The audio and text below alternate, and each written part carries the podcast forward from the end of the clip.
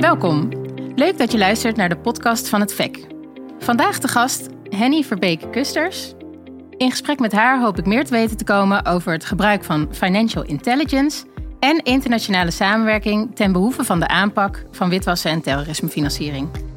Het VEC, het Financieel Expertisecentrum, is tenslotte een samenwerkingsverband waarin zeven autoriteiten zich met elkaar richten op versterking van de integriteit van de financiële sector.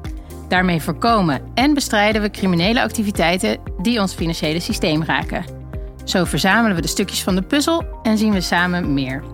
Deze aflevering maakt onderdeel uit van de tweede FEC podcastserie en zoomt in op het internationale speelveld en de internationale ontwikkelingen die spelen omtrent de aanpak van financieel-economische criminaliteit.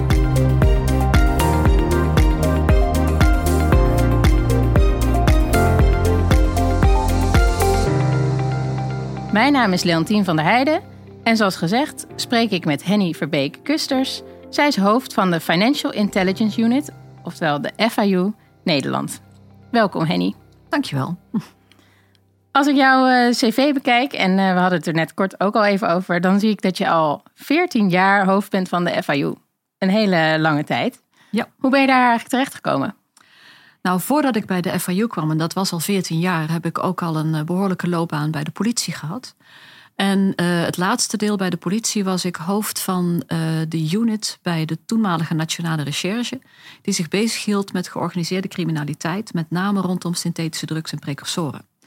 Dus wij waren heel nadrukkelijk bezig met opsporingsonderzoeken naar criminele organisaties op dat hele domein. En wat mij telkens weer opviel is, je kunt laboratoria oprollen, uh, je kunt uh, mensen uh, gevangen zetten en uiteindelijk die organisaties gingen altijd maar door en er kwamen nieuwe. En het was voortdurend heel erg moeilijk om de enorme opbrengsten van die drugsproductie en smokkel in beeld te krijgen en af te pakken. Um, dus dat maakte dat op het moment dat toen de Financial Intelligence Unit gevormd werd, ik wel het beeld had me gaan verdiepen en inzetten op uh, het in beeld krijgen van crimineel geld. En uh, de witwasmogelijkheden die er, uh, die er zijn om dat criminele geld wit te wassen. Ga ik mogelijk een meer effectieve bijdrage leveren aan die georganiseerde criminaliteitsbestrijding. Dus. Um, Vanuit was... de gedachte, er zit altijd een financiële component aan altijd. criminaliteit. Altijd. Dus daar moeten we ja. ons op richten. Ja. ja. En hoe heb jij de wereld waarin jij je begeeft in die afgelopen 14 jaar zien veranderen? Dat is een hele brede vraag. Maar... Ja, dat is een hele brede. Um, nou ja, goed. Het, in eerste instantie wat je, dus, wat je dus ziet, en dat is mondiaal. Um, iedereen was echt vooral nationaal bezig, uh, terwijl je tegelijkertijd wel het besef had. 80% van de witwasactiviteiten, minstens 80% is internationaal. Dus al vrij snel zijn we echt begonnen ook om internationaal de handen ineen te slaan. Uh, daarnaast ook het besef, je kunt het niet als individuele organisaties alleen in je eigen silo.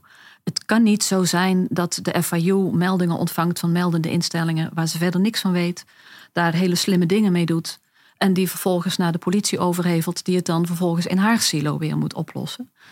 Um, en dat heeft er ook toe geleid dat we voortdurend zijn gaan kijken hoe kunnen we beter samenwerken? Hoe kunnen we die, die informatiepositie en daarmee ook de mogelijkheden voor de opsporing naar een hoger niveau krijgen? Um, en daarmee ook de mogelijkheden voor het toezicht, want ook dat is natuurlijk een ongelooflijk belangrijke rol in die, die hele aanpak. Dus we zijn steeds meer gaan samenwerken, zowel nationaal als internationaal. Daarnaast hebben we ook gezien dat we geconfronteerd werden met een enorme digitalisering. Uh, de cryptovaluta was natuurlijk een, ja, best een schok, mag ik zeggen, voor, voor de publieke instellingen die zich echt als een, uh, als een jekko moesten gaan, gaan instellen op wat is dit, waar gaat dit over, het proberen te begrijpen. Ik weet nog heel goed de eerste meldingen die wij kregen van banken die te maken hadden met cryptovaluta ze echt achter de oren zaten te krabben. Waar gaat dit over? Maar dat was dus al in 2012. Ja. Um, dus dat was toen ook wel een uitdaging. We moeten hier meer van weten. We moeten dit beter snappen. En daarna zijn we er ook, ook volop gaan inzetten. Maar dat was natuurlijk niet alleen in Nederland. En dat was niet alleen voor de FIU. Nee, precies. Dat was voor iedereen. En dat was ook, uh, ook internationaal zo. Ja, dus als ik jou goed beluister, dan uh, is de samenwerking om het uh, effectief aan te kunnen pakken belangrijk. En juist ook niet alleen nationaal, maar ook internationaal. Over die samenwerking gaan we nog uitgebreid spreken later in de podcast. Maar ik wil eerst even op dat internationale aspect ingaan. Wij zijn als Nederland natuurlijk afgelopen jaar geëvalueerd vanuit de FATF. Daar is een mooi rapport over uitgebracht. Um, er zijn een aantal positieve punten uitgekomen. Ook een aantal aanbevelingen die de FATF ons geeft. De FATF is overigens de Financial Action Task Force. En die heeft gekeken naar de Nederlandse aanpak van witwas- en terrorismefinanciering. Um, het gaat te ver om dit hele rapport hier met jou door te nemen. Maar het is in internationale context natuurlijk wel een heel belangrijk rapport voor Nederland. Um, als ik jou zou vragen, uh, wat was voor jou het belangrijkste punt eigenlijk dat je uit die FTF-evaluatie mee hebt genomen? Het allerbelangrijkste punt is van wij doen het behoorlijk goed in Nederland. En uh, al de samenwerkingsvormen waar vaak van werd gezegd van ja, het lijkt zo'n ongecoördineerd uh, gedoe bij jullie. Iedereen werkt met iedereen samen op allerlei gremia. De FATF heeft zich daar goed in verdiept en heeft gezegd dat is een kracht van Nederland. Daar ben ik ook gewoon echt ongelooflijk trots op. Ook voor het rapportcijfer wat de FAU voor zichzelf daaruit heeft mogen deduceren. Um, en een belangrijke aanbeveling is die van die uh, feedback. Jullie doen best leuke dingen. Maar dat moet systematisch. En dat moet systematisch op een hoger niveau. En daar was ik het ook wel mee eens. Wat, wat zou je het voor cijfer geven? Negen. Dat is vrij hoog. Ja, dat is het ook. En waar komt dat hoge cijfer vandaan? Um, nou, dat hoge cijfer komt inderdaad doordat uh, de FIU die samenwerking heeft met, met alle partijen. Uh, doordat we in staat zijn om van die enorme bulk aan data die we krijgen, om daar ook om daar systematisch goed mee te werken om daar ook de, de goede prioriteiten in te stellen. En om uh, dan ook inderdaad te laten zien dat we hebben kunnen samenwerken met de opsporing, met toezicht, met de instellingen, maar ook internationaal een hele goede verbinding hebben gelegd. En dat is, uh, dat is wel waar het vandaan komt. En goede analyses maken. Ja, er, worden uh, mooie woorden toebedeeld aan het gebruik van financial intelligence in strafrechtelijke onderzoeken. Dus dat is een compliment voor de FIU. Uh, ja, maar ook voor de opsporing. Zeker, zeker. Ja. Uh, en voor de samenwerking tussen ja. beiden. Er zijn ook het afgelopen jaar uh, door andere organisaties rapporten uitgebracht over het Nederlandse systeem en, de effectiviteit van de meldketen, bijvoorbeeld door de Algemene Rekenkamer. daarin is toch een iets kritischer geluid te horen. Ehm, hoe verhouden bijvoorbeeld die FATF-evaluatie en zo'n Algemene Rekenkamerrapport zich volgens jou tot elkaar? Um, nou, volgens, volgens mij, zoals ik het zie, kom je tot een vergelijkbare conclusie. Namelijk uh, die, die, die ketenfunctie, dat is in de loop van de jaren, ook als je kijkt naar de ARK-rapporten, dat gaat wel beter. Maar we brengen het onvoldoende systematisch in beeld. En uh, dat, dat is iets waar we ook echt op te verbeteren hebben. Dat is wat de FATF ook heeft gezegd. Want die heeft het in een bredere context geplaatst en het ook vergeleken met hoe doen andere landen het. Daar wordt dan uiteindelijk ook een, een waardering wordt, wordt gebaseerd op het, het totaalplaatje. ARK heeft echt naar dat, dat hele functioneren gekeken en wel gesteld, er zit vooruitgang in. Maar een aantal dingen moeten beter. En wat er beter moet, daar zie ik heel nadrukkelijk wel de parallellen met wat FATF ook zegt. En kun je daar iets meer over toelichten, wat er dan volgens jou beter zou moeten? Uh, wat er beter moet, is dat we het uh, met elkaar gaan meten en in beeld brengen en registreren en dat ook bijhouden en kunnen laten zien. En op basis van wat we bijhouden en laten zien ook kunnen bijsturen. En wat ik dan bedoel is van um, hoe, hoeveel uh, verdachte transacties die er van de private sector uiteindelijk afkomen, gaan er naar de opsporing en wat gebeurt er dan mee? En als er niet iets mee gebeurt, wat zegt dat dan? Wat leren we daarvan? En hoe zorgen we ervoor dat dat op een goede manier ook teruggaat, zowel naar de private instellingen, naar de melders, als naar de toezichthouders? En hoe kunnen we daarvoor zorgen? Um, nou, daar zijn we op dit moment ook heel nadrukkelijk mee bezig. Dat is een, uh, ook mede naar aanleiding van de FATF-aanbeveling, waar het Openbaar Ministerie, FIOD, politie, AMLC en de FIU met elkaar aan het kijken zijn hoe kunnen we segmenteren in die informatie. Want het, het, het lijkt een grote bulk, maar dat is het niet. Daar kun je echt uh, van kijken van er zijn onderdelen die moeten naar de hele specialistische uh, afdelingen gaan die zware onderzoeken doen. Er is informatie Die moet naar, uh, naar, naar bijvoorbeeld de, de RIEK-samenwerkingsverbanden, nou, noem maar op. Ehm, hoe kunnen we dat segmenteren en hoe kunnen we dan met elkaar organiseren dat we dan, uh, en dat, daar moet IT ook een belangrijke rol in spelen, dat we in beeld hebben wat landt nou waar en welke besluiten worden er dan genomen. En dat we dat dan ook vastleggen en dat we dan ook kijken wat betekent dit, wat voor lessen leren we hieruit. Want als er dan een onderzoek plaatsvindt, is het ook van belang dat we te horen krijgen wat heb je nou echt uitgevonden in dat onderzoek. Ja. Zodat we ook weer nieuwe informatie naar de melders kunnen brengen, zodat die ook hun preventie weer beter kunnen inrichten. Ja, dus hè, de feedback moet eigenlijk in een cirkeltje blijven gaan. Precies. Het moet een, het moet een loop eh, worden. En, en nu gebeurt dat echt op individuele casussen. En dat moeten we systematisch gaan doen met eigenlijk alles wat we gesegmenteerd gaan aanleveren. Ja, en je gaf net al aan, uh, hè, in het kader van die FATF-evaluatie wordt Nederland ook vergeleken met andere landen. Zijn er dan niet andere landen waar ze die feedback loop op een dusdanige manier hebben georganiseerd dat wij daar als Nederland weer van zouden kunnen leren? Ja, dat dacht ik ook. Want er zijn dus landen die op die feedbackloop ook beter uh, beoordeeld zijn. Daar zijn we ook gaan kijken. Israël was zo'n voorbeeld. Uh, wat je dan constateert is dat uh, daar de, de opsporing wordt heel erg centraal aangestuurd. Daar is één procureur-generaal die bepaalt voor alle opsporingen in het land welke witwasonderzoeken zij moeten gaan doen. Dan is het ook redelijk overzichtelijk.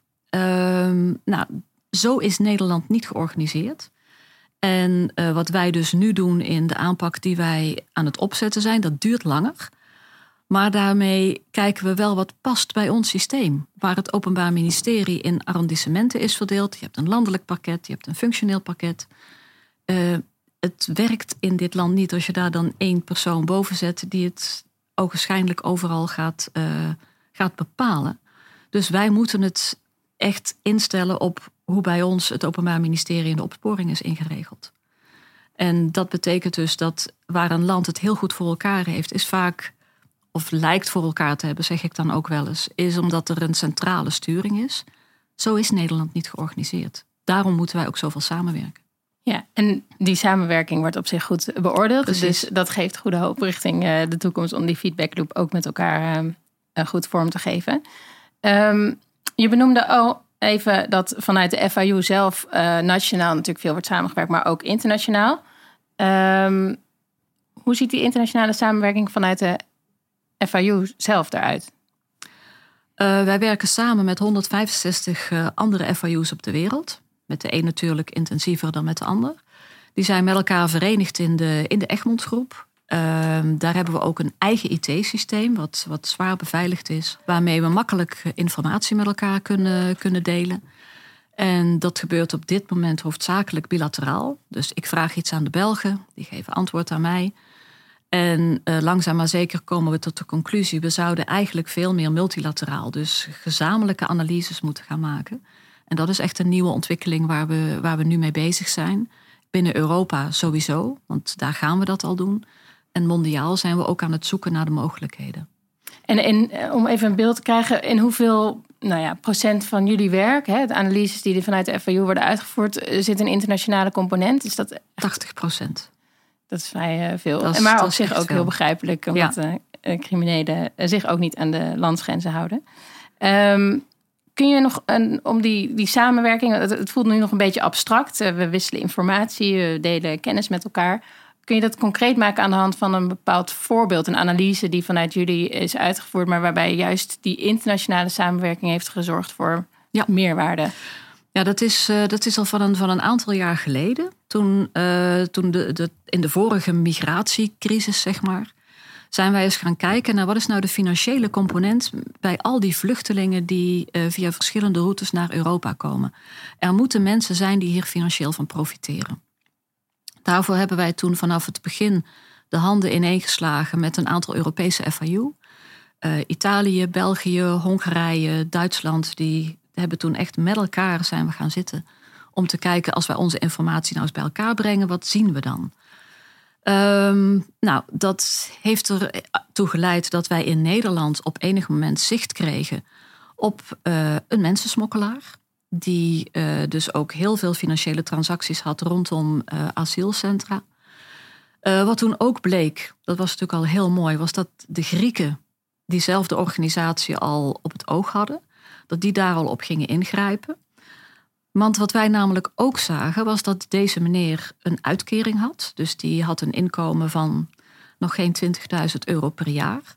Maar die verhandelde voor meer dan een miljoen aan auto's. Hm. Ehm, nou, dat is natuurlijk gek. Um, vervolgens zeiden de Belgen van, ja, maar wij kennen deze meneer ook. Hij doet dat hier ook. Dus toen werd het nog opvallender. Dus toen zijn we daarin gaan duiken van waar gaan die auto's dan naartoe? Want die gingen naar het buitenland en vaak naar Hongarije. Dus wij vroegen aan de Hongaren, kennen jullie dit bedrijf? En zij, zeiden, zij zijn gaan kijken en kwamen heel snel met het antwoord, dit bedrijf bestaat al lang niet meer. Ze stuurden zelfs een fotootje mee, uh, een bouwval, uh, het gras stond een meter hoog. Dus dat bedrijf was er helemaal niet meer. Toen zijn we eens verder gaan kijken naar waar worden die auto's allemaal gekocht. Om tot de conclusie te komen dat dat handelaren waren die vaak meldingen bij ons deden over cashbetalingen. Nou, dat hele uh, verhaal is op die manier is, is belegd bij de opsporing. Die zijn gaan kijken en uit onderzoek is toen gebleken dat er uh, dus inderdaad tassen vol met cashgeld uit vooral Duitsland in dit geval weer uh, naar Nederland kwamen, naar deze bedrijven. Die hadden echt letterlijk een laadje met valse ID-bewijzen. Um, zetten dus die auto op naam, deden bij ons een melding van dit ID-bewijs heeft bij ons zoveel cash betaald. Daarmee uh, konden ze dus ook aan de banken keurig aangeven: nee, wij doen echt netjes onze zaken, wij, wij melden, onze zaken. Um, en vervolgens gingen dus uh, ja, de, de, zakken met geld kwamen binnen, de auto's gingen op trailers eruit. Door het binnen Europa op deze manier te doen, werd er dus nog een btw-voordeel gecashed. Um, op een bedrijf wat in Hongarije dus al helemaal niet meer bestond. En um, nader onderzoek bleek dat er nog een paar van deze bedrijven waren. En die zijn uh, vervolgens helemaal uh, onderuit gehaald. Plus, en dat vond ik dan ook weer heel mooi, dat uh, heel lang was het beeld in de autohandel is, is cashbetalingen een, een normale gang van zaken.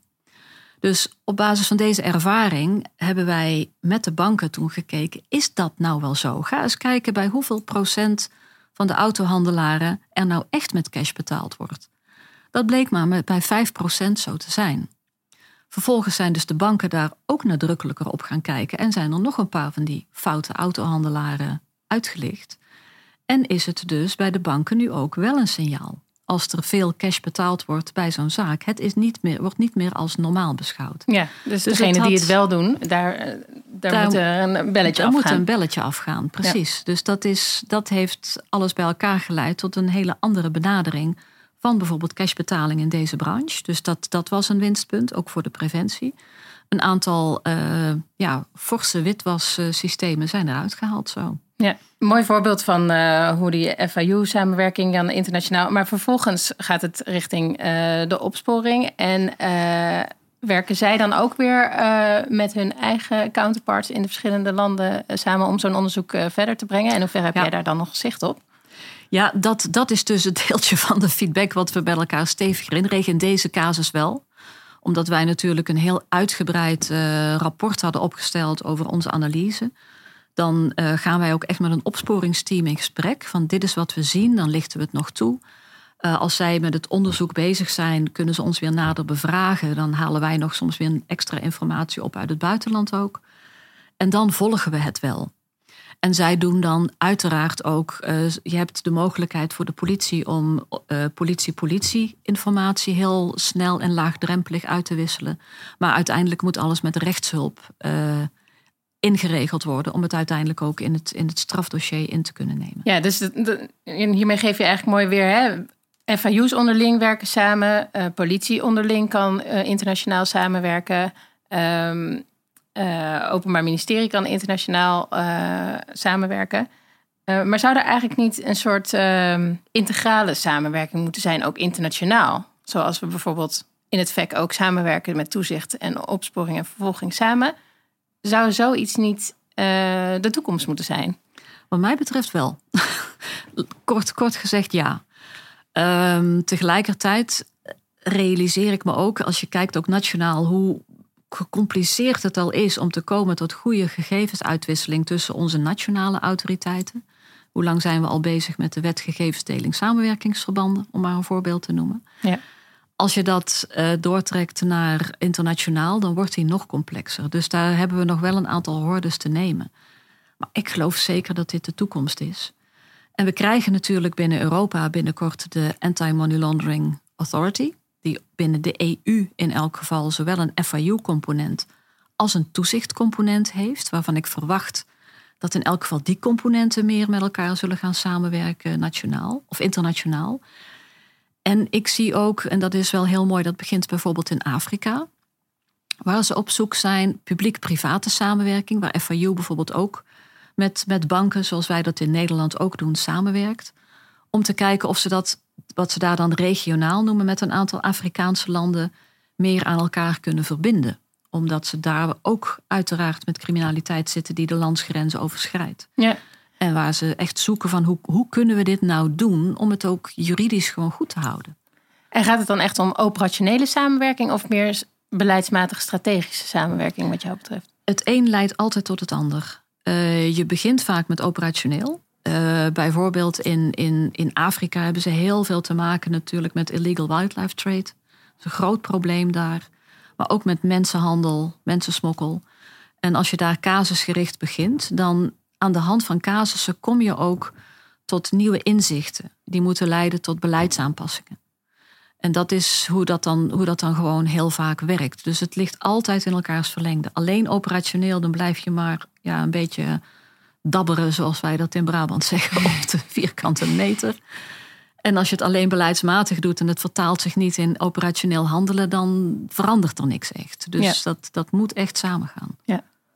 En vanuit jouw ervaring in het internationale speelveld, zijn er nou andere uh, landen waar ze uh, bijvoorbeeld die uh, beleidsmatige operationele samenwerking, dat gecombineerde, heel goed hebben georganiseerd, waar wij iets van kunnen, zouden kunnen leren? Of bijvoorbeeld waar de publiek-private samenwerking alweer een stap verder is dan hier, waar wij van zouden kunnen leren? Um, ik steek wel vaker mijn licht op in Australië. Uh, daar zijn ze, zijn ze echt wel voorlopers met, met de publiek-private samenwerking. Overigens, inmiddels zie je het bijna overal op de wereld zie je die samenwerkingsvormen ontstaan. Maar daar hebben ze wel al een paar hordes genomen, waar wij hier nog af en toe nog wel mee zitten te worstelen. Van hoe doe je dat dan? En kun je een voorbeeld geven van zo'n horde waar zij al eh, verder zijn dan wij? Nou ja, wij, wij werken nu als FIU heel intensief samen met de banken in de Fintel Alliance. Maar wij kunnen op dit moment niet bijvoorbeeld zeggen, nou dan, dan doen we daar bijvoorbeeld notarissen nog bij of dan nemen we de branchevereniging van accountants, want dan kunnen we samen weer meer doen. Dat hebben zij voor een deel al wel voor elkaar.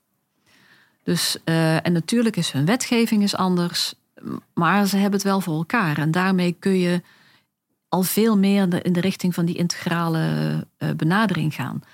Daar is ook het toezicht er voor een deel alweer bij betrokken. Zit de opsporing er alweer dichterbij. Dus, maar ook weer nationaal. Dus je kunt misschien ook wel zeggen, ja, dat is een beetje vergelijkbaar met het VEC. Maar ook hier in het VEC hebben wij alleen nog met de banken hebben we de publiek-private samenwerking.